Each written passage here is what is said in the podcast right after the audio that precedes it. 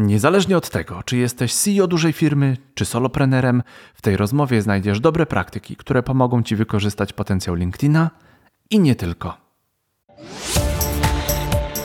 Escola Mobile. Biznes masz w kieszeni.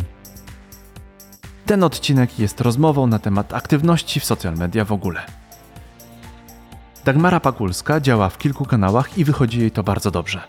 Zadamy zatem pytanie – jak działać i nie rozmieniać się na drobne. Ten odcinek będzie dotyczył głównie LinkedIna, ale dowiesz się także o tworzeniu treści w innych kanałach. I nie będziemy mówić, że TikTok to must have, choć na pewno warto. Pisać po angielsku czy po polsku? Jak dodawać ludzi do kontaktów i kogo przyjmować? A na końcu najważniejsze zasady w budowaniu marki osobistej. Jeśli chcesz stworzyć aplikację mobilną lub webową, wejdź na naszą stronę escola.pl. W prawym górnym rogu kliknij Wyceń projekt i daj nam znać, jak możemy Ci pomóc. Zapraszamy do kolejnego odcinka podcastu Escola Mobile.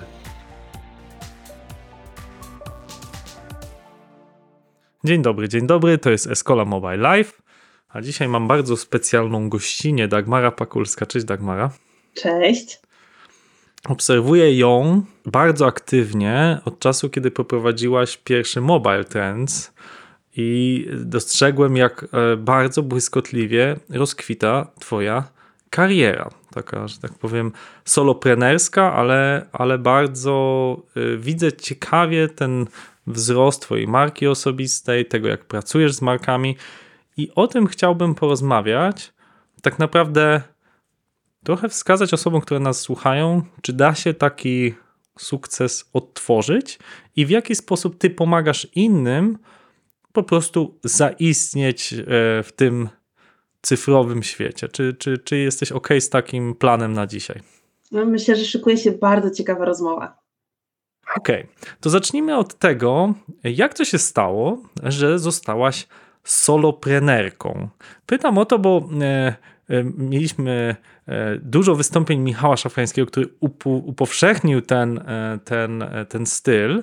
I ja go rozumiem, mając tu osobową firmę, co jakiś czas marzę, jakby to było nie mieć zmartwień ze 100 osobami, chociaż nie zamieniłbym tego, od razu zastrzegam, ale rozumiem osoby, które taką decyzję z góry podejmują taką decyzję. Jak to się stało, że ty zostałaś soloprenerem? Jak do tego doszło, nie wiem, czytując wieszcza naszego polskiego.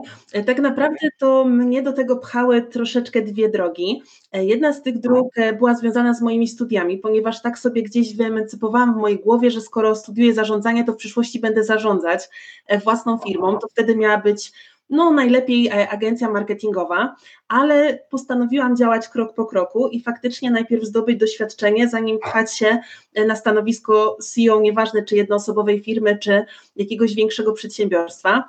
E, no i sobie tak dubałam w różnych agencjach marketingowych, mniejszych, większych. Za każdym razem wchodząc trochę na wyższe poziomy, pracując z coraz większymi klientami, mając też pod sobą zespoły, zwłaszcza w tych ostatnich agencjach, w których działałam. Natomiast y, zawsze to było mm, coś takiego we mnie, taka mała niezgoda na robienie tego wszystkiego, co ktoś mi każe robić. Czyli mm, zawsze lubiłam tą wolność wyboru, z kim chcę pracować, na jakich projektach, jakie wartości mają tym projektom przyświecać. A kiedy pracuje się jednak mimo wszystko u kogoś, no to tej wolności wyboru się nie ma. Bierze się po prostu ten projekt, który w danym momencie jest wskazany. I w związku z tym, że mm, troszeczkę mi nie po drodze było z pewnymi nakazami, postanowiłam po kilku latach w agencjach założyć swoją firmę. To było też związane z takimi historiami personalnymi, tutaj już nie wchodząc w szczegóły, nie zgadzałam się z pewnymi decyzjami, które podejmowali e, moi szefowie i postanowiłam po prostu nie brać w tym udziału. E, I to mnie tak popchnęło już koniec końców do tego, żeby tą własną e, firmę otworzyć, która na początku e, miała być założenia agencją marketingową zatrudniającą ludzi, a teraz minie niedługo 7 lat i wciąż to jest jednoosobowa działalność, ale w pełni świadoma jednoosobowa działalność. Mhm. Coś, co mnie bardzo ciekawi, to jak jedna osoba jest w stanie być aktywna na tylu platformach. Widzę cię na TikToku, widzę cię na Twitterze, na Facebooku, na LinkedInie E, bo tematem, coś z, czym, z czego mogą się uczyć ludzie, którzy nas słuchają, no to właśnie jak istnieć na tych wszystkich platformach. Ile to czasu może wymagać. Dużo jest dyskusji na temat tego różnych automatyzacji różnych systemów, które sprawiają, że jesteśmy zdyscyplinowani. Ja, ja, ja, sam muszę sam siebie dyscyplinować, żeby, żeby postować. Nie uważam, że się, siebie za tak obdarzoną weną osobę, że po prostu spływa na mnie codziennie jakiś nowy post na każdą platformę. Mm, więc się dyscyplinuję. Ok, chcę wrzucać regularnie te treści, bo algorytmy to lubią i ludzie, którzy jakoś mnie śledzą, chcą z tego e, skorzystać. Jak ty to robisz? Jaki jest twój sekretny sposób, żeby istnieć na tylu platformach? No to jeszcze o kilku nie wspomniałeś, bo jestem jeszcze na Instagramie, na Twitterze. E, nie mam mnie na YouTubie i na Tinderze. Znaczy na Tinderze jestem czasami, jak mam zajęcia z Tindera, bo e, też mi się zdarza na studiach wyższych mieć taki przedmiot do poprowadzenia. Tam można robić fajne kampanie marketingowe. Ale to, co zawsze dziwi ludzi, z którymi rozmawiam, to fakt, że ja to robię sama czyli nie mam nikogo, e, kto by tym zarządzał, czyli nie mam wirtualnych asystentów, mm, nie mam żadnych programów, które automatyzują za mnie, czy tworzą za mnie, e, czy publikują za mnie posty. To wszystko jest zawsze robione ręcznie na gruncie tej platformy, na której w danym momencie publikuję, ale też, żeby być fair, trzeba przyznać, że ja nie jestem we wszystkich platformach y, obecna w równym stopniu. Zawsze te platformy w danym momencie czasu dobieram pod cel, który chcę osiągnąć. Więc jeżeli w jakimś momencie to jest bardziej biznes, chęć pozyskania nowych projektów, nowych klientów, no to wiadomo, że ta moja aktywność na LinkedInie będzie największa, czy na Twitterze, bo Twitter to też jest takie medium, w którym można bardzo fajnie działać y, w B2B. Natomiast jeżeli bardziej zależy mi na tym, żeby dzielić się wiedzą, edukować na przykład przyszłych marketerów i marketerki, no to wtedy aktywizuję się bardziej y, na Instagramie czy y, na Facebooku. Czasami jestem też na YouTubie, ale bardziej jako właśnie gość różnych podcastów, różnych e, materiałów, e, które są na przykład live'ami. Niemniej jednak to nigdy nie jest tak, że w każdym medium społecznościowym ja jestem mm, dostępna w równym stopniu. Mam wszystkie platformy lub prawie wszystkie, ale to też wynika z mojego zawodu. Żeby coś rekomendować klientom, to ja muszę te platformy znać od środka i wiedzieć, co może być ewentualnie dla nich dobre, e, a co może niekoniecznie i obecność w takim kanale im odradzać. Więc te wszystkie media, w których jestem dostępna, zawsze są taką wypadkową tego, co ja chcę w danym momencie osiągnąć, albo na jakim projekcie pracuję z klientem. No bo też, jeżeli na przykład projekt wymaga większego zaangażowania na Instagramie, no to też częściej zobaczycie mnie na Instagramie. Okej. Okay.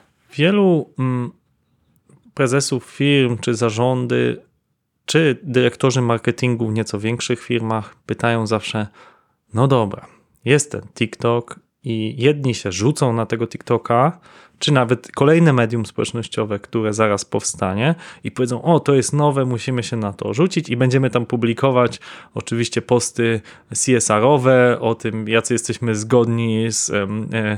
E, ze śladem, jak mały mamy ślad węglowy i ogólnie widać, że niektórzy się rzucają na trend, albo właśnie agencja mówi, takie są trendy, to to zrobimy. Natomiast bardzo wielu e, świadomych, doświadczonych E, dyrektorów marketingu czy członków zarządów powiedzą, no dobrze, ale jaki jest efekt? Jaki efekt będzie z tego, że ja będę coś wrzucał na TikToka? Moje pytanie zmierza do tego, jak budować markę prawdziwie ekspercką. To znaczy, że nie chodzi o to, żebyśmy byli znani, mieli zasięgi, tylko faktycznie przełożyło się to na nasz biznes. To jest w ogóle bardzo dobre pytanie i fajnie, że też nawiązałeś tutaj do TikToka, bo to jest stosunkowo nowe medium na gruncie mediów społecznościowych. I ja też zauważam wśród moich klientów taki właśnie hype. Jest coś nowego, to my musimy tam być. Podobnie było z Clubhouse'em. On ledwo wystartował, nagle pojawili się eksperci od Clubhouse'u jak grzyby po deszczu, a w tym momencie już nikt o tej platformie nie mówi. Więc dla mnie taką złotą receptą na to, żeby dobrze wykorzystywać swoją obecność w social mediach, jest przede wszystkim zastanowienie się, czy w tym kanale jest obecna nasza grupa docelowa. To jest w ogóle pierwsza rzecz, którą musimy zbadać, żeby w ogóle zweryfikować, czy jest sens tam być. Potem druga rzecz, na którą musimy sobie odpowiedzieć, drugie pytanie, to czy w tym kanale oprócz mojej grupy docelowej są formaty, z których ja mogę korzystać. Czyli na przykład na TikToku jest wideo, to czy my w firmie mamy zasoby na to, żeby faktycznie tworzyć jakościowe w miarę przynajmniej materiały wideo w sposób regularny. Bo jeżeli będziemy to robić raz na miesiąc albo rzadziej, no to to nie ma sensu. Natomiast jeżeli będziemy to robić kilka razy w tygodniu, no to znak, że taki TikTok na przykład byłby już kanałem dla nas. No i oczywiście kolejne pytanie, które warto sobie zadać, to jakie ja cele chcę osiągnąć w tym medium? Czy to mają być cele takie bardziej związane z budowaniem świadomości marki, czyli chcemy, żeby ludzie nas widzieli, czy chcemy, żeby to był employer branding, czyli ten TikTok ma w pewnym stopniu przyciągnąć do nas pracowników, pokazać, jak wyglądają te kulisy pracy w organizacji, czasami z takim lekkim przymrużeniem oka, czy może ten TikTok, skoro na nim się teraz przez chwilę fokusujemy, ma dla nas w jakiś sposób sprzedawać? Czy mają w wyniku tych naszych filmików przyjść do nas faktycznie konkretni klienci, którzy będą chcieli z nami realizować projekty? I dopóki sobie nie odpowiemy na te trzy pytania, to tak naprawdę ja bym w danym medium społecznościowym z żadnym działaniem nie ruszała, bo może się zdarzyć, że grupa docelowa jest dostępna, Moja grupa docelowa na 100% jest dostępna na YouTubie. Natomiast jeżeli ja nie mam zasobów, jeżeli ja nie mam pomysłów na to, żeby regularnie tam się komunikować, to ja sobie tego YouTube'a przynajmniej na tym etapie odpuszczam, bo to nie miałoby sensu. To byłby po prostu kolejny martwy profil, który bym sobie gdzieś tam wrzuciła na stronie internetowej jako odnośnik, tylko cóż z tego, jeżeli po kliknięciu w ten odnośnik nic ciekawego nikt tam nie znajdzie. Więc zawsze zastanówmy się, po co nam to wszystko, zamiast kierować się taką czasami bardzo krótką i szybką modą, która może przeminąć. Clubhouse był tego e, najlepszym dowodem, że w tym momencie on praktycznie już na tej mapie nie istnieje. Dwie ważne rzeczy powiedziałeś. Pierwsza to to, jaki jest cel tego, co robimy, czyli jak patrzę, u nas jest taki w Escoli Jakub Król, który zajmuje się głównie programowaniem w JavaScriptie na backendzie Node.jsem i jego profil na TikToku śledzi no, 10 tysięcy osób. Ja jestem w szoku, że ludzie oglądają te treści, gdzie on sobie coś tam programuje, pokazuje jakieś biblioteki, dużo opowiada o TypeScriptie i to jest przemieszane pół na pół z filmikami zupełnie humorystycznymi, pokazującymi jakby radość programowania w różnych kontekstach. I widzę, że jakby jego celem jest no, pokazanie siebie jako eksperta, takiego bardzo bliskiego ludziom, i z drugiej strony e, promowanie kursu dla młodych programistów. I to widocznie przekłada mu się na, na efekty, których oczekuje. I to mnie właśnie zadziwiło, że na tak niszowych nawet tematach na TikToku jest cała masa osób, bo, bo, nie, bo nie wierzę, że ten profil może oglądać ktoś, kto nie interesuje się zupełnie programowaniem, bo trzech czwartych by zupełnie nie zrozumiał. Natomiast to, co e, drugie mówisz, to to, że nie da się czegoś robić na pół gwizdka, czyli wrzucić coś raz na miesiąc i liczyć, że to się nie wiadomo jak odbije echem. I to stąd trochę moje pytanie, bo ja jestem e, też na kilku platformach, ale z jedną zupełnie sobie nie radzę, a ty sobie radzisz świetnie. Tą platformą jest Twitter. Ja tam patrzę na te wypowiedzi polityków, jak oni się kłócą, jak oni się tam szczują, jak dziennikarze podchwytują jakieś rzeczy. Ja mam wrażenie, że tam po prostu jest masa jakichś bardzo albo sfrustrowanych ludzi, albo jakieś e, farmy troli tam funkcjonują, bo nie wierzę, że ludzie są aż tak ideologiczni, tak to ładnie ujmę, i to po wszystkich stronach ideologii ale widzę, że są z kolei osoby, które fantastycznie merytoryczne treści przekazują na Twitterze. Ja wrzuciłem kilkaset postów na tego Twittera i śledzi mój profil, nawet nie wiem, masz się boję sprawdzić, ale jest to na pewno mała liczba e, osób. I zastanawiam się, co robię źle, a co powinienem robić lepiej, żeby to działało. Mhm. To przede wszystkim odczarujmy sobie trochę tego Twittera, bo faktycznie taki mit jest, że tam są tylko politycy i dziennikarze, a prawda jest taka, że jak w każdym medium społecznościowym, to od nas zależy, y, co my tam konsumujemy. Czyli jeżeli my faktycznie wcześniej wchodziliśmy w interakcję z tymi treściami, gdzieś tam zatrzymywaliśmy się przy nich chociażby na dłużej, lajkowaliśmy, komentowaliśmy, no to oczywiście później będziemy tego widzieć więcej. Natomiast Twitter ma takie narzędzia w sobie, które pozwalają nam bardzo selekcjonować content i profile, które my śledzimy, czyli możemy sobie na przykład stworzyć y, tak zwane listy osób z branży, potencjalnych klientów, mediów branżowych, jakie tylko chcemy i te listy pozwalają nam odfiltrować wpisy tych konkretnych osób, tych konkretnych użytkowników od całej reszty. Czyli nie mamy tego szumu komunikacyjnego, nie mamy tych właśnie różnych ideologicznych dyskusji, których widzieć byśmy po prostu nie chcieli. Natomiast y, dużym takim kluczem do sukcesu na Twitterze jest częstotliwość komunikacji, ponieważ to jest medium, które żyje cały czas, niemalże 24 godziny na dobę, służy do komentowania bieżącej rzeczywistości pod każdym względem kulturalnym, społecznym, technologicznym, politycznym. Więc jeżeli my chcemy tą markę na tym Twitterze widoczną zbudować, no to przede wszystkim musimy wykazywać się taką dużą aktywnością, czyli przynajmniej kilka razy dziennie. Jeżeli nie wrzucać czegoś autorskiego, to chociaż wchodzić w dyskusję z innymi odbiorcami, no i też tak naprawdę wyszukiwać tematy, wyszukiwać rozmowy, pod które my jako ekspert możemy się gdzieś tam podpiąć.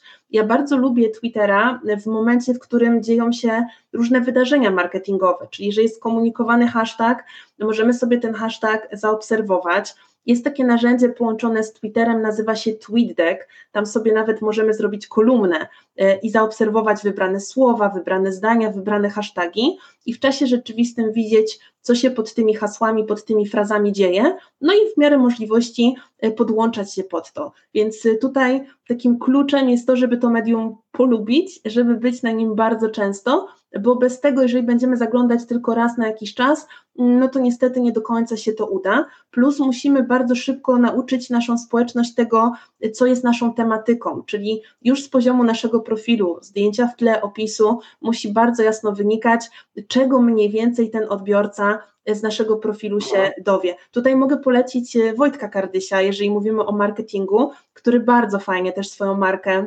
na Twitterze prowadzi, bardzo fajnie ją buduje. No i widać, że jest coraz bardziej widoczny właśnie na tej platformie. Mhm. Mam pytanie, które od dawna chodzi mi po głowie, ale nie tylko mi, bo mamy ponad 50 osób, które teraz są z nami live na LinkedInie. I Konrad pyta o ludzi takich trochę, z którymi ja się identyfikuję, czyli ja lubię sobie czasem wejść na media społecznościowe, ale a, jest ich dość dużo, na LinkedInie jest masa treści, nie zawsze mam czas, żeby coś wymyślić takiego mądrego, nie mam zawsze e, bardzo dużo czasu, żeby wymyślić coś naprawdę genialnego, a potem jeszcze odpisywać na te komentarze, bo na Boga mam pracę jako prezes, jeszcze masę innych obowiązków.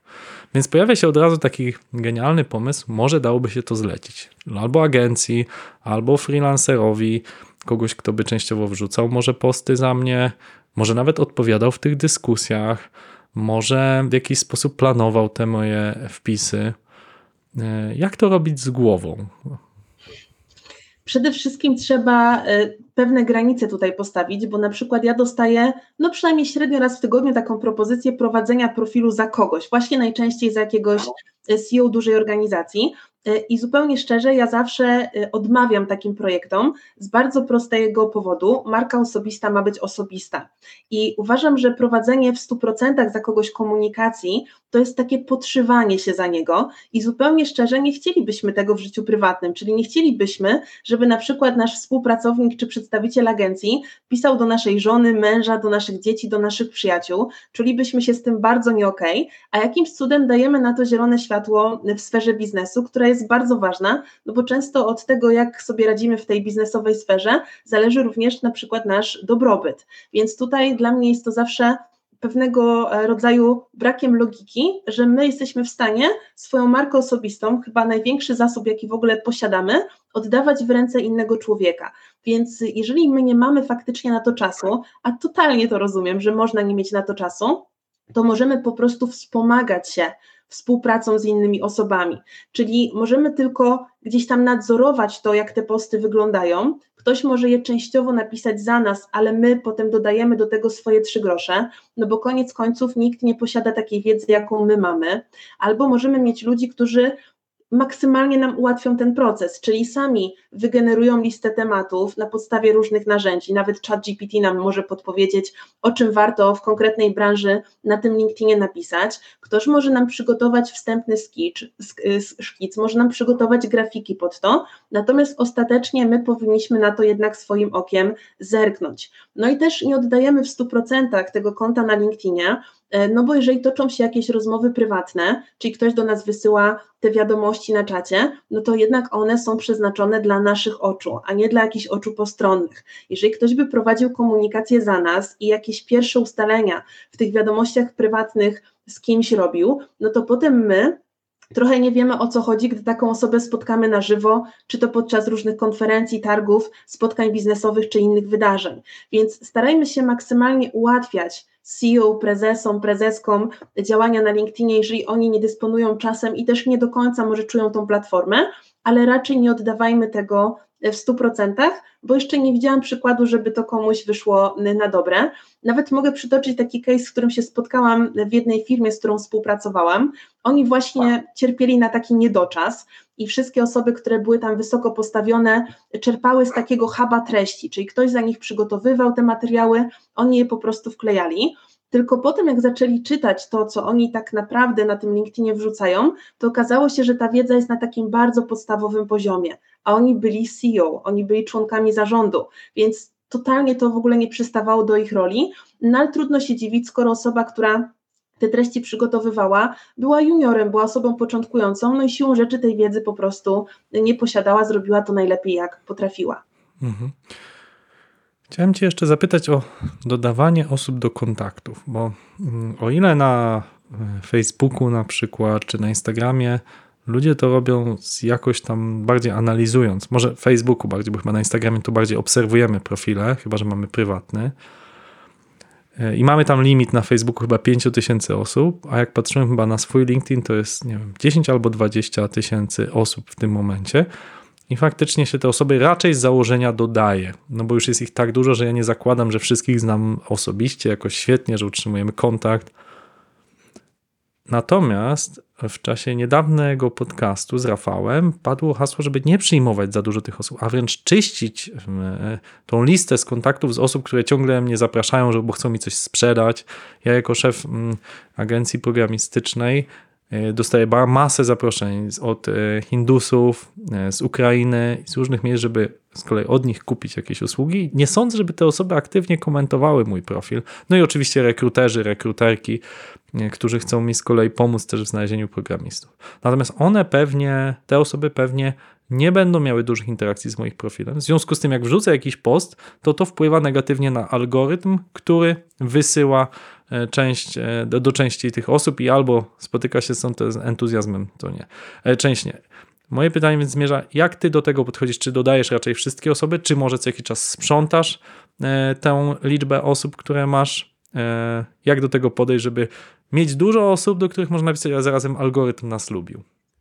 Mhm. Ja tego networkingu na LinkedInie nauczyłam się na własnych błędach, bo kiedy zakładałam konto, to było no, paręnaście lat temu, byłam takim świeżakiem początkującym w branży i w momencie, w którym ktoś mnie na tego LinkedIna zapraszał, nieważne czy znałam, czy nie znałam, ja to zaproszenie przyjmowałam, bo czułam, że to jest takie wow, ktoś chce mieć mnie w swojej sieci kontaktów. No i potem pewnego pięknego dnia odpalam sobie LinkedIna i post, który mnie przywitał na dzień dobry, to był post dentysty z Indii i traktował o operacji przetoki dentystycznej dentystycznej. Tam nawet było dodane zdjęcie, dla niewtajemniczonych to taka była dziura w buzi, coś, czego totalnie nie chciałam widzieć do porannej kawy.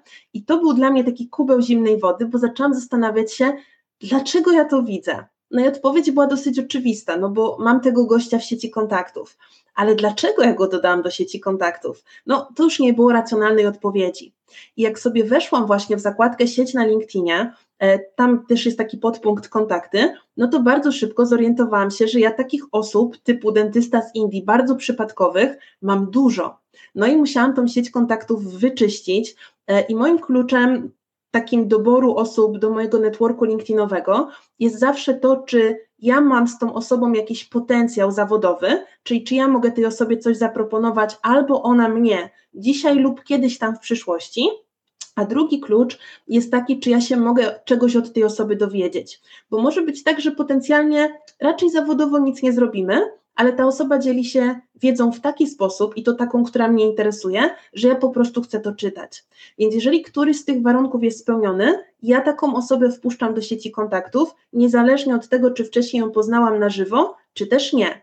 Natomiast jeżeli te warunki nie są spełnione, przynajmniej jeden z nich, to ja taki kontakt po prostu usuwam, jeżeli kiedyś go przypadkiem przyjęłam, albo ignoruję, jeżeli zaproszenie y, otrzymałam w tym momencie. Czyli jeżeli kogoś totalnie nie znam i nie wiem, dlaczego ta osoba chce być w mojej sieci kontaktów, to przed zaakceptowaniem bądź zignorowaniem zawsze wchodzę na profil, zerkam w sekcję doświadczenie, następnie w sekcję aktywność i weryfikuję te swoje dwa założenia. I pamiętajcie, że to, kogo macie w swojej sieci kontaktów, ma wpływ przynajmniej na dwie rzeczy. Pierwsza jest taka, co wy widzicie na LinkedInie, czyli co wam się wyświetla, jakie treści, jakie publikacje. Ale z drugiej strony, Wasza sieć kontaktów ma też wpływ na to, kto widzi Wasze posty. Więc jeżeli mamy tam ludzi przypadkowych, bo jesteśmy takimi networkowymi zbieraczami Pokémonów, byleby tylko było więcej, no to potem na naszej tablicy jest taki chiński bazar, czyli niby dużo rzeczy, żadna z nich finalnie dla nas jest ciekawa. No i szansa na to, że ktoś, kto jest naszą grupą docelową, zobaczy nasz post, w takich warunkach zaczyna być tak mała, jak wygrana w totka potencjalna, czyli szanse są naprawdę niewielkie. Więc zawsze ten network na LinkedInie budujemy w sposób przemyślany, znów z punktu widzenia tych celów, które my chcemy na tej platformie osiągnąć i podobnie polecam w pozostałych mediach społecznościowych, bo tam też nie powinniśmy mieć przypadkowych ludzi. Mhm.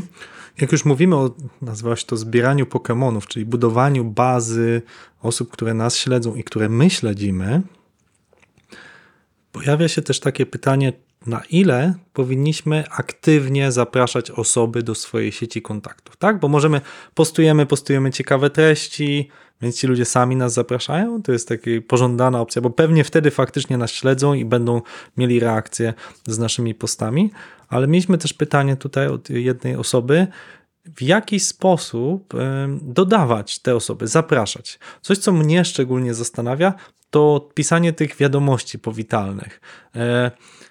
Bo bardzo często ja mam wrażenie, jak sam je dostaję, że one są od razu bardzo sprzedażowe. Tak, ktoś, o, tam produkujemy pompy ciepła, no to może chcesz od nas kupić pompę ciepła. Wtedy przynajmniej jest ok sprawa, bo ja nie chcę kupić pompy ciepła, więc odrzucam tą osobę.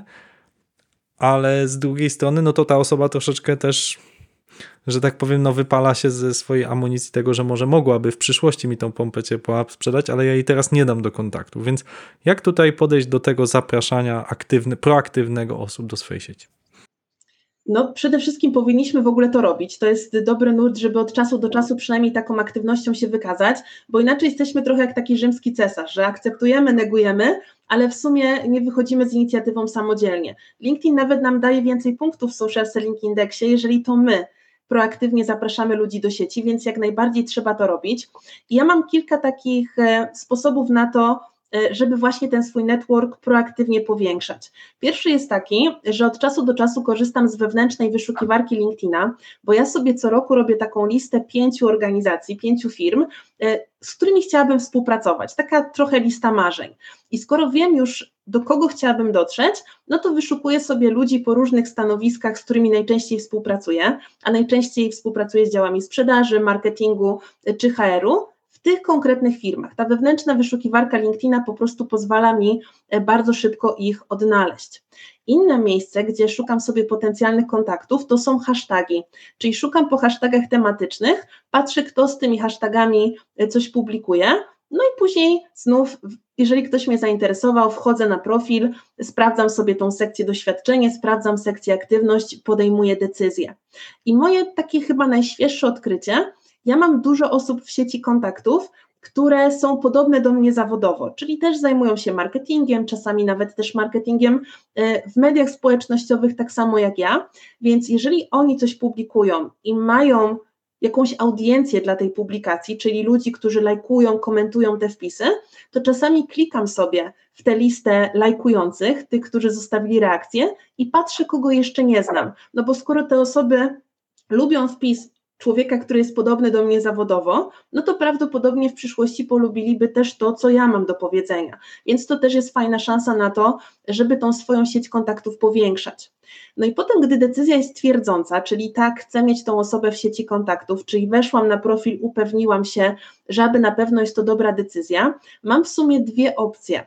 Mam opcję obserwowania tej osoby, tylko wtedy mogę zobaczyć jej posty, ewentualnie skomentować nic więcej, albo mam tą opcję nawiązania do sieci kontaktów, zaproszenia do sieci kontaktów. No i to zaproszenie może być, tak jak już Krzysiek wspomniał, z notatką albo bez. No i teraz ciekawostka, z badań LinkedInowych wynika, że większą akceptację mają zaproszenia bez notatki, ponieważ my te notatki robimy źle, czyli to jest zazwyczaj jakiś kopiuj wklej, to jest jakaś nachalna sprzedaż, Tymczasem powinniśmy traktować trochę tą naszą pierwszą rozmowę z tym naszym odbiorcą, tą pierwszą notatkę, tak jakbyśmy spotkali się z tym człowiekiem face to face. Raczej to nie jest tak, że widzimy kogoś i podchodzimy i mówimy: Cześć, y, mam dla ciebie pompę ciepła, kupią, tylko raczej staramy się nawiązać jakimś small talkiem, o coś zapytać, y, trochę się oprzeć o to, co o tej osobie już wiemy, na przykład o jakieś informacje z profilu, starać się, żeby ta wiadomość była jak najbardziej spersonalizowana. Tylko zupełnie szczerze, nie zawsze musicie tą notatkę dodawać. Ja ją dodaję tylko w dwóch sytuacjach. Pierwsza jest taka, kiedy kogoś gdzieś poznałam, ale ta osoba może o mnie nie pamiętać. Czyli dajmy na to, spotykamy się na jakiejś dużej konferencji, ja mam milion rozmów kuluarowych, ta osoba ma pewnie jeszcze więcej, więc ja byłam tylko jedną z wielu, z którą prowadziła konwersację. No i w takiej sytuacji, jeżeli chcę ją dodać na LinkedInie, piszę na przykład: Cześć Marku, spotkaliśmy się na konferencji takiej i takiej, rozmawialiśmy o tym i o siamtym. Fajnie by było też pozostać w kontakcie na LinkedInie. Więc to jest sytuacja numer jeden. A druga sytuacja to jest case, w którym na kimś mi bardzo zawodowo zależy, czyli ja chcę dotrzeć do tej firmy, ja chcę współpracować z tą firmą. I wtedy, zanim wyślę taką notatkę do zaproszenia, zawsze wchodzę na profil danego człowieka i sprawdzam, o co mogę się zahaczyć. Kopalnia wiedzy to są tak naprawdę te profile LinkedInowe. Tam macie informacje o tym, jakie stanowiska ludzie piastują, jakie mają obowiązki. Możecie się zahaczyć o ich niedawne publikacje, o to, co polecają w sekcji polecane. Tak naprawdę tutaj zawsze znajdzie się jakiś element, który sprawi, że ta wiadomość będzie taka bardzo dla drugiego człowieka. No i pamiętajcie też o tym, że na LinkedInie personalizacja to jest obowiązek, to nie jest żaden rarytas. Jeżeli piszemy do kogoś, to my piszemy do Jana Kowalskiego albo do Moniki Nowak, do osoby pojedynczej i nie stosujemy formuły PER, szanowni Państwo. Bo zapytałem Cię wcześniej o y, tych CEO czy tych członków zarządu, którzy nie za bardzo chcą być aktywni na LinkedInie czy w innych sieciach społecznościowych i zatrudniają do tego agencje.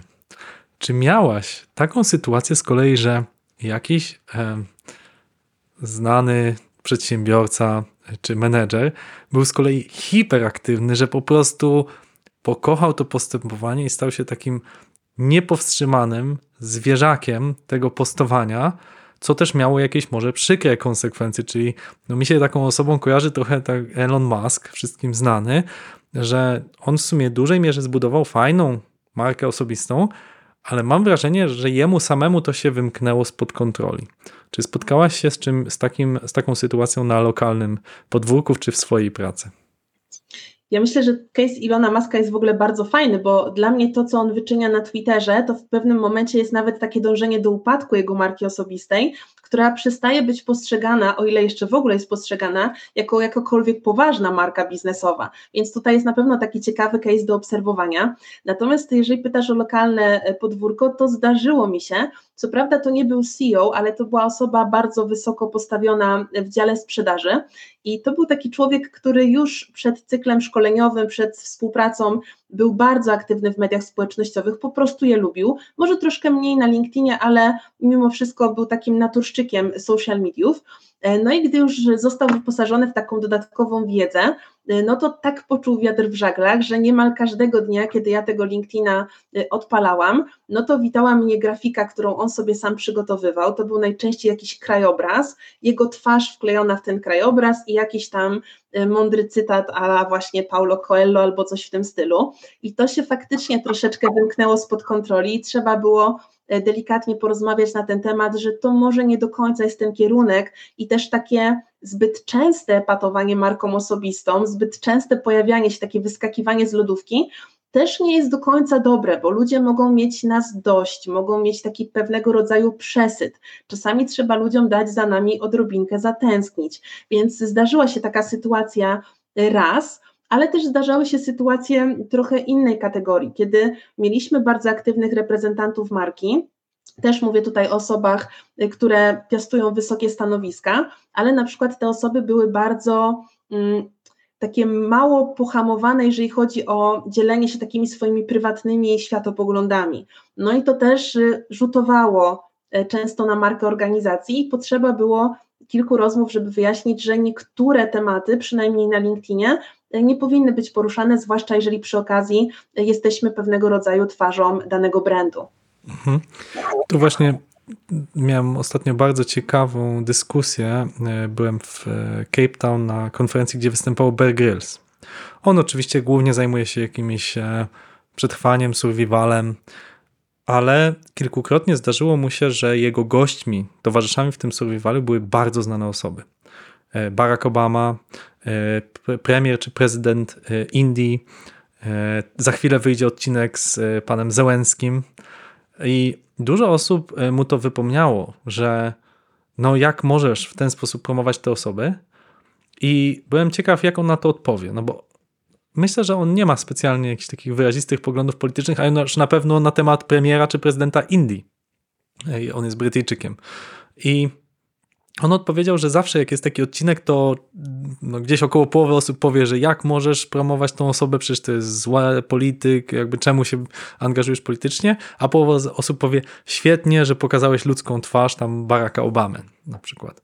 I on mówi, że właśnie te tematy są, on oczywiście je realizuje, bo one, no to jest jego praca, on jest osobowością telewizyjną, natomiast no nie da się w żaden sposób usatysfakcjonować całej publiki, nawet, nie wiem, jedząc robaki w dżungli z y, Barackiem Obamą, bo zawsze będzie część osób, które tak bardzo są spolaryzowane na daną osobę, że nie da się po prostu tych odcinków traktować neutralnie. Jak bardzo neutralne rzeczy oni omawiają, tak?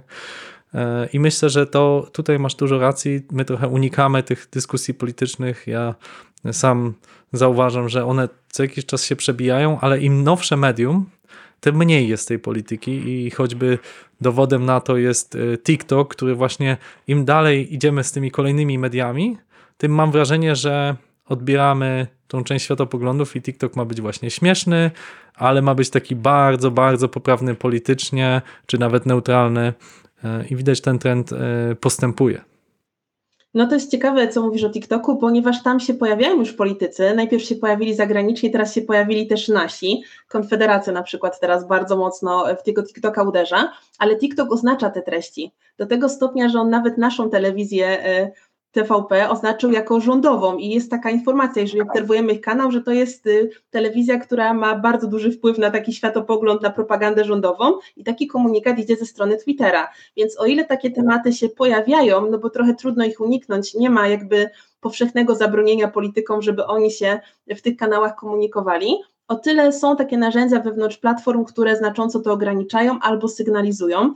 No i też dużo mediów społecznościowych ma w swoich regulaminach takie ograniczenia, że właśnie takie dyskusje polaryzujące, światopoglądowe, polityczne, seksistowskie, rasistowskie w ogóle e, nie powinny mieć miejsca. E, no i ja się też z tym zgadzam, jakby pewne tematy nie muszą być poruszane na forum publicznym, zwłaszcza jeżeli mówimy tutaj bardzo mocno o marce osobistej czy o marce firmowej, bo to w jaki sposób my właśnie się komunikujemy, a z naszego profilu jasno wynika, jaki brand za nami stoi, to zawsze jest ze sobą łączone.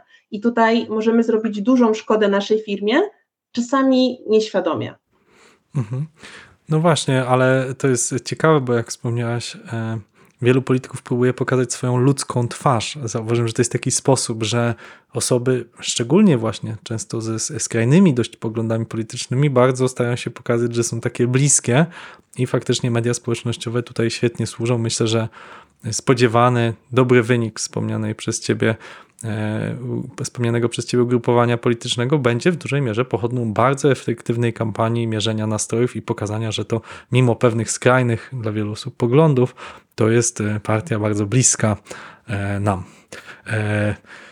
Okej, okay. zejdźmy już z polityki. Chciałbym, żebyśmy porozmawiali też o tym, jak odmawiać tym klientom, bo wspomniałaś, że każdego tygodnia dostajesz propozycję poprowadzenia profilu w imieniu jakiejś ważnej osoby. To jest twój potencjalny może klient. W jaki sposób ty radzisz sobie z tym, żeby odmawiać? Jak to ładnie uzasadnić, jeśli nie chcesz właśnie albo postować właśnie w jakiś określony sposób, kto od ciebie oczekuje, nie wiem, Wiem, że są na przykład e, agencje, które odmawiają pracy, nie wiem, z markami tytoniowymi albo jakimiś tematami, które są dla nich no nie całkiem neutralne światopoglądowo. W jaki sposób ty potrafisz wybrnąć z takiej sytuacji?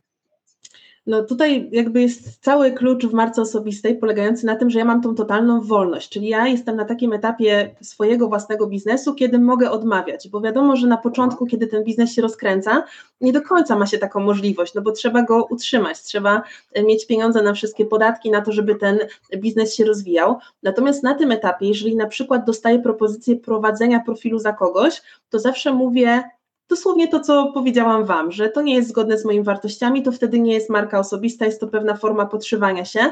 Ja nie jestem z tym ok, ale to, w czym mogę pomóc, to na przykład naprawa tego profilu, doprowadzenie go do porządku, pomoc w kształtowaniu tych treści, jakby takie wszystkie wskazówki, które pozwolą tej osobie zaistnieć, ułatwią jej ten proces, ale nie będę prowadziła tego profilu za tego człowieka. I czasami faktycznie niektórzy na to idą, a czasami są ludzie, którzy chcą iść totalnie na skróty i jeżeli dostali odmowę u mnie, no to prawdopodobnie ktoś inny się na to zgodzi i też trzeba trzeba brać to pod uwagę, ale to już są cudze biznesy, ja w to totalnie nie wnikam. Natomiast zdarza mi się też y, czasami tak, że mam kilkanaście fajnych projektów na stole, ale doba ma tylko 24 godziny i choćbym nie wiem jak chciała, nie jestem w stanie tej doby wydłużyć. No i wtedy często kieruję się właśnie tymi osobistymi preferencjami, że na przykład z tą marką jest mi bardziej po drodze, e, ta marka ma z mojej perspektywy e, ciekawszy projekt, jakieś fajniejsze e, możliwości dla rozwoju również mojego osobistego, gdy w ten projekt się zaangażuję, albo gdzieś tam z tym biznesem mam podobne wartości, albo zupełnie szczerze, w biznesie chodzi też o zarabianie pieniędzy, z tą marką czy współpracując z tym brandem mogę zarobić więcej, więc w takich sytuacjach jak najbardziej też mówię, że po prostu na stole jest w tym momencie dużo projektów. Jeżeli chcemy współpracować, to no niestety albo trzeba poczekać na tą współpracę troszeczkę dłużej, albo trzeba poszukać kogoś innego. Natomiast staram się nigdy nie zostawiać potencjalnych klientów na lodzie. Czyli jeżeli ja nie mam możliwości współpracy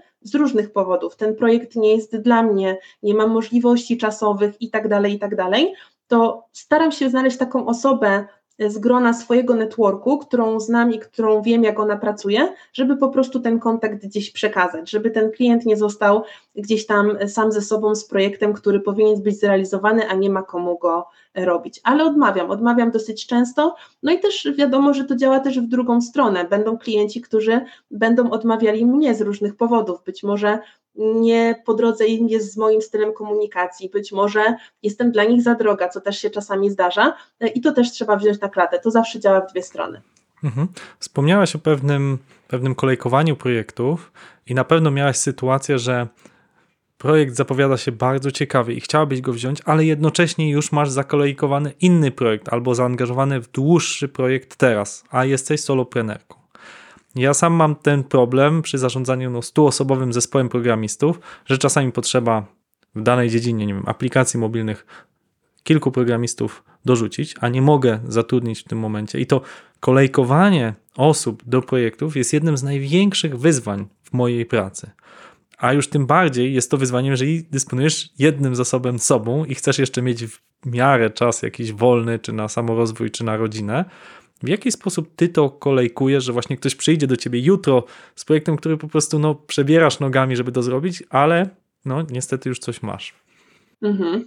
No to najczęściej jest prawo pierwszeństwa, czyli realizuję to, co było wcześniej gdzieś tam dogadane, doklepane. Ja zawsze też transparentnie na etapie ofertowania mówię, jakie mam możliwości i zasoby czasowe e, i to staram się aktualizować, czyli jeżeli proces decyzyjny nadal trwa, no to ja wysyłam update do tego potencjalnego klienta, że na przykład już teraz te terminy, które wcześniej proponowałam się zajęły, więc jeżeli mamy rozpocząć współpracę, no to w grę wchodzą już zupełnie inne timingi.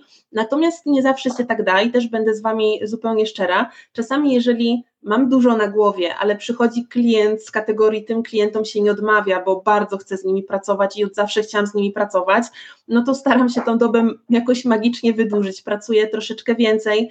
E, no wiadomo, że cierpią na tym w danym momencie inne moje aktywności, czyli tak jak wspomniałeś, samorozwój, czy jest troszeczkę mniej tego czasu dla rodziny, ale później staram się to zawsze zrekompensować. Więc są takie okresy czasu, zwłaszcza w marketingu jest to teraz wiosna i potem będzie to końcówka roku, kiedy dzieje się bardzo dużo, kiedy ja już nie wiem, w co mam ręce włożyć, ale paradoksalnie jestem człowiekiem deadline'em, kiedy mam bardzo dużo na głowie, wręcz pali mi się ta praca w rękach, to ona jest w moim przypadku bardziej efektywna niż w momencie, gdy mam względny spokój w kalendarzu i realizuję sobie stopniowo wcześniej założone projekty. Więc o ile się da niektóre tematy czasami przesunąć na późniejszy termin, to super, a jeżeli nie i to jest projekt z kategorii trzeba to zrobić, bo to jest świetny projekt i szkoda byłoby e, nie, no to wtedy staram się tutaj magicznie zaczarować, żeby ten mój kalendarz jakimś cudem to, to pomieścił. E, przez chwilę wiadomo, że będę pracowała ponad miarę, ale to też jest e, coś, na co się godziłam, będąc e, przedsiębiorczynią i mając własną działalność gospodarczą,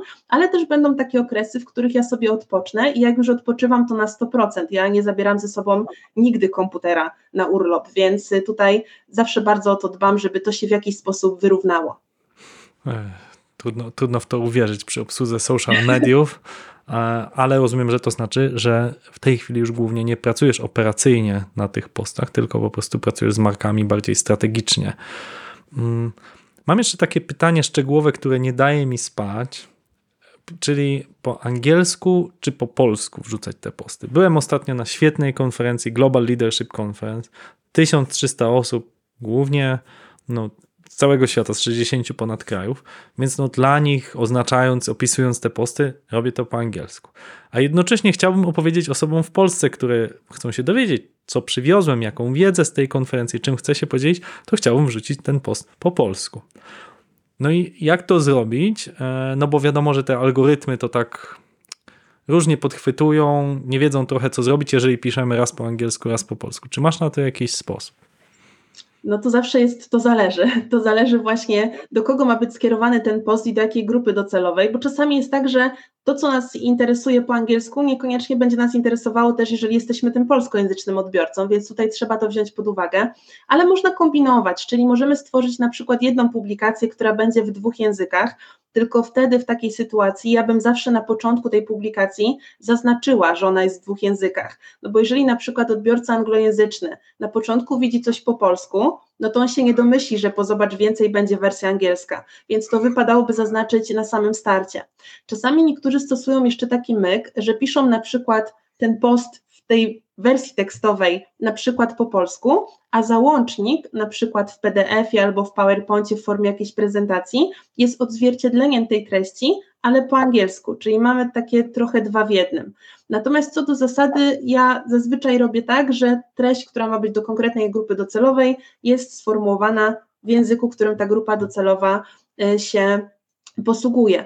I tutaj pod tym względem najfajniej jest na Twitterze, bo na Twitterze w ramach jednego konta możemy jednym odpisywać po angielsku, innym po francusku, trzecim po polsku i nikt na to nie zwróci większej uwagi. Na profilu LinkedInowym no to będzie już bardziej widoczne, natomiast też y, LinkedIn nam pozwala stworzyć sobie profil w kilku wersjach językowych. Więc jeżeli mamy na dzień dobry widoczną informację, że profil jest w wersji polskiej i na przykład anglojęzycznej, no to trochę też się spodziewamy, że te treści również będą w tych dwóch językach co najmniej e, się pojawiały. Więc zawsze grupa docelowa i cel, który chcemy osiągnąć z perspektywy tego postu, powinny determinować to, który język wybierzemy, albo że wybierzemy dwa jednocześnie, tylko wtedy trzeba zadecydować, czy w ramach warstwy tekstowej będziemy sobie robić jedno pod drugim, czy no właśnie jeden idzie w warstwie tekstowej język, a drugi w formie załącznika będzie jakoś ogrywany, to też zawsze fajnie wygląda.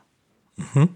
Chciałem Cię jeszcze zapytać, czy jest jakaś zasadnicza różnica w komunikacji na LinkedInie czy innych platformach, jeśli sprzedaję produkt dedykowany do rynku tak zwanego B2C, czyli bardziej do indywidualnych konsumentów, a bardziej do biznesu? Bo ja wiem, że wszyscy eksperci od LinkedIna mówią, o jest komunikacja human to human, ale ja chcę usłyszeć odpowiedź, jak faktycznie to robić. Co, czy ty to jakoś rozróżniasz, czy masz jakieś mhm. sposoby tutaj?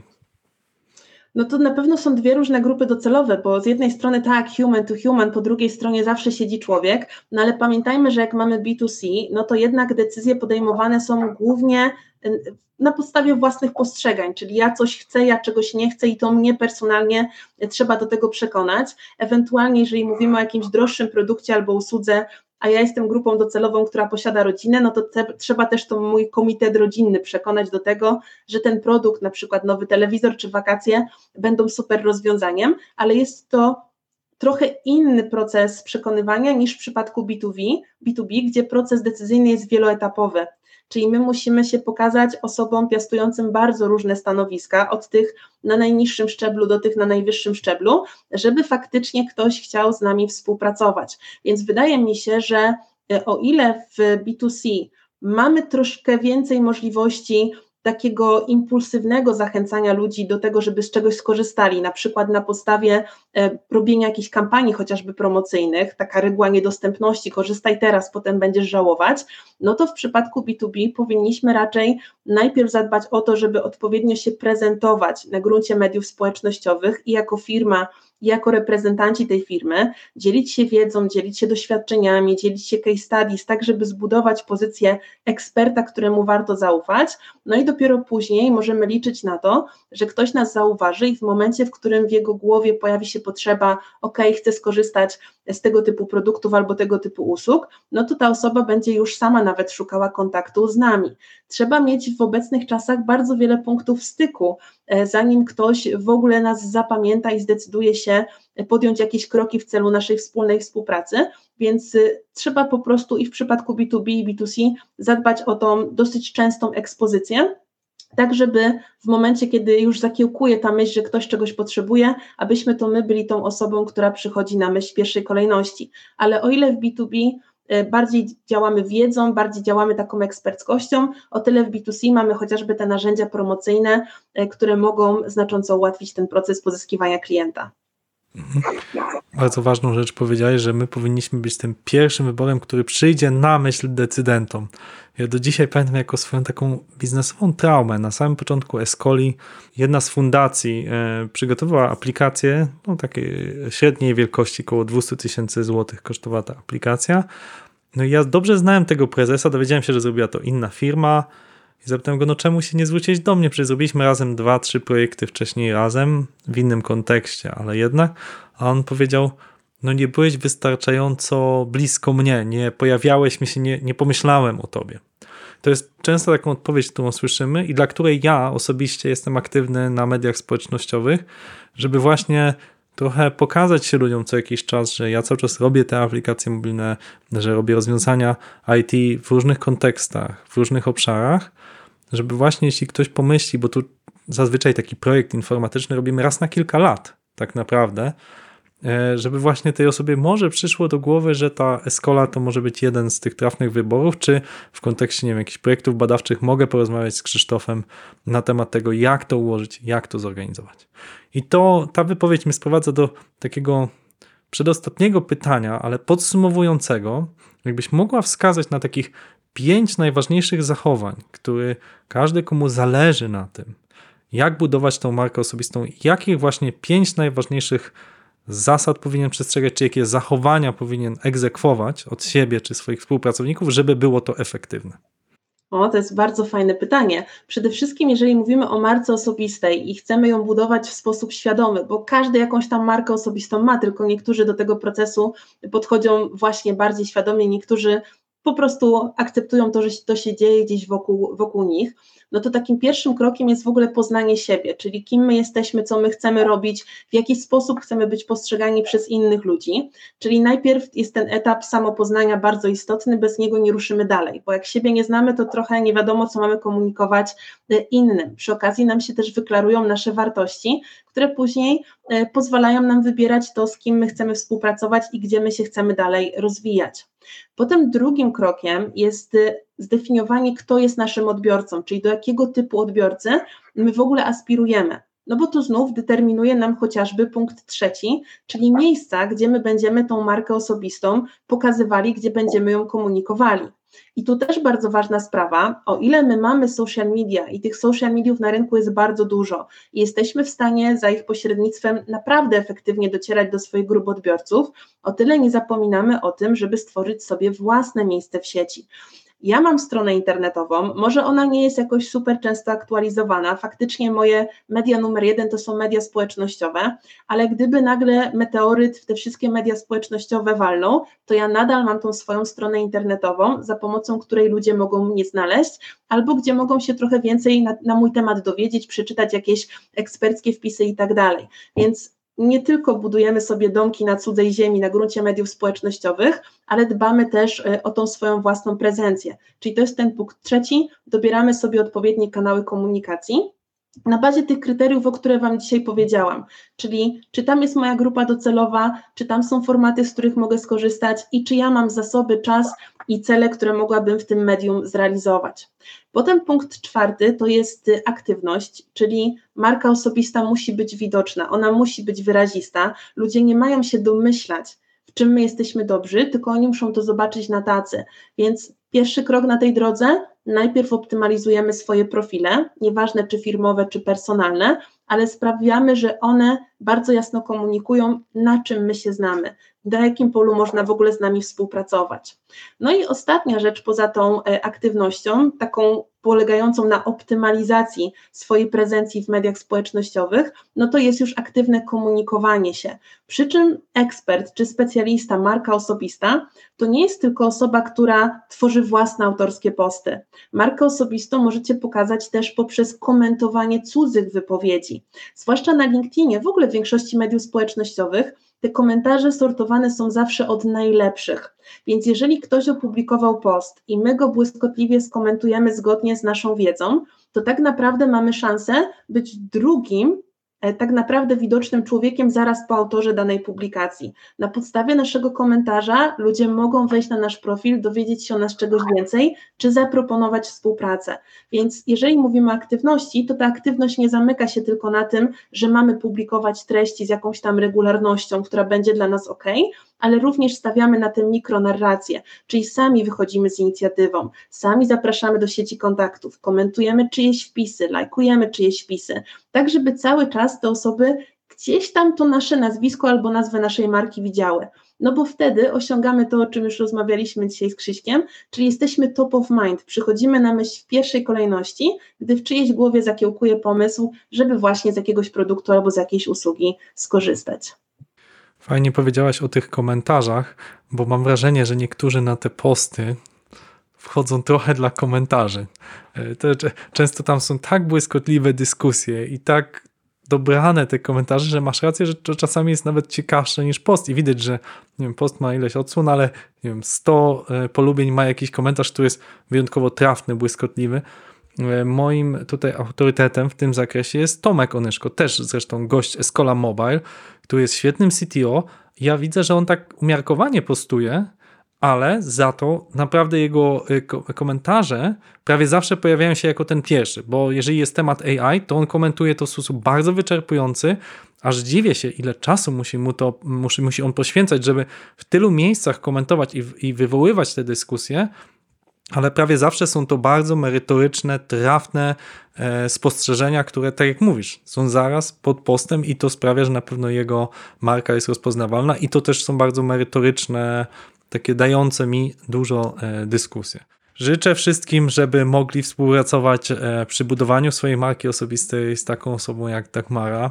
Ja się dzisiaj bardzo dużo nauczyłem. Myślę, że świetnie to prezentujesz, tak jak obiecaliśmy zarazem z dużym luzem, z dużą taką płynnością wypowiedzi, także gratuluję Ci tego, co, co udało Ci się osiągnąć. Pierwszy raz mam takie radiowe poczucie, że wielu wątków, które sobie wypisałem, nie poruszyliśmy, ale to jest tylko zachęta na nasze następne spotkanie za jakiś czas. No, także dziękuję Ci za dzisiaj. Dzięki bardzo. Do zobaczenia na LinkedInie nie tylko. Escola Mobile. Biznes masz w kieszeni. Dziękujemy za Twój czas i za to, że spędziłeś go z nami. To jest podcast Escola Mobile, podcast, do którego zapraszamy najlepszych, zdobywamy ich wiedzę, nagrywamy i wypuszczamy to w postaci podcastu, wideo czy bloga na naszej stronie escola.pl. Jeśli uzyskałeś, uzyskałaś coś nowego z tego podcastu, prosimy podziel się tą wiedzą z innymi. Udostępnij podcast na LinkedInie, Twitterze, Facebooku, opowiedz o nim swoim znajomym. Być może oni mogą skorzystać z wiedzy Dagmary. To był 146 odcinek podcastu Escola Mobile. Gościliśmy Dagmarę Pakulską i rozmawialiśmy o budowaniu marki osobistej, soloprenera i CEO dużej firmy.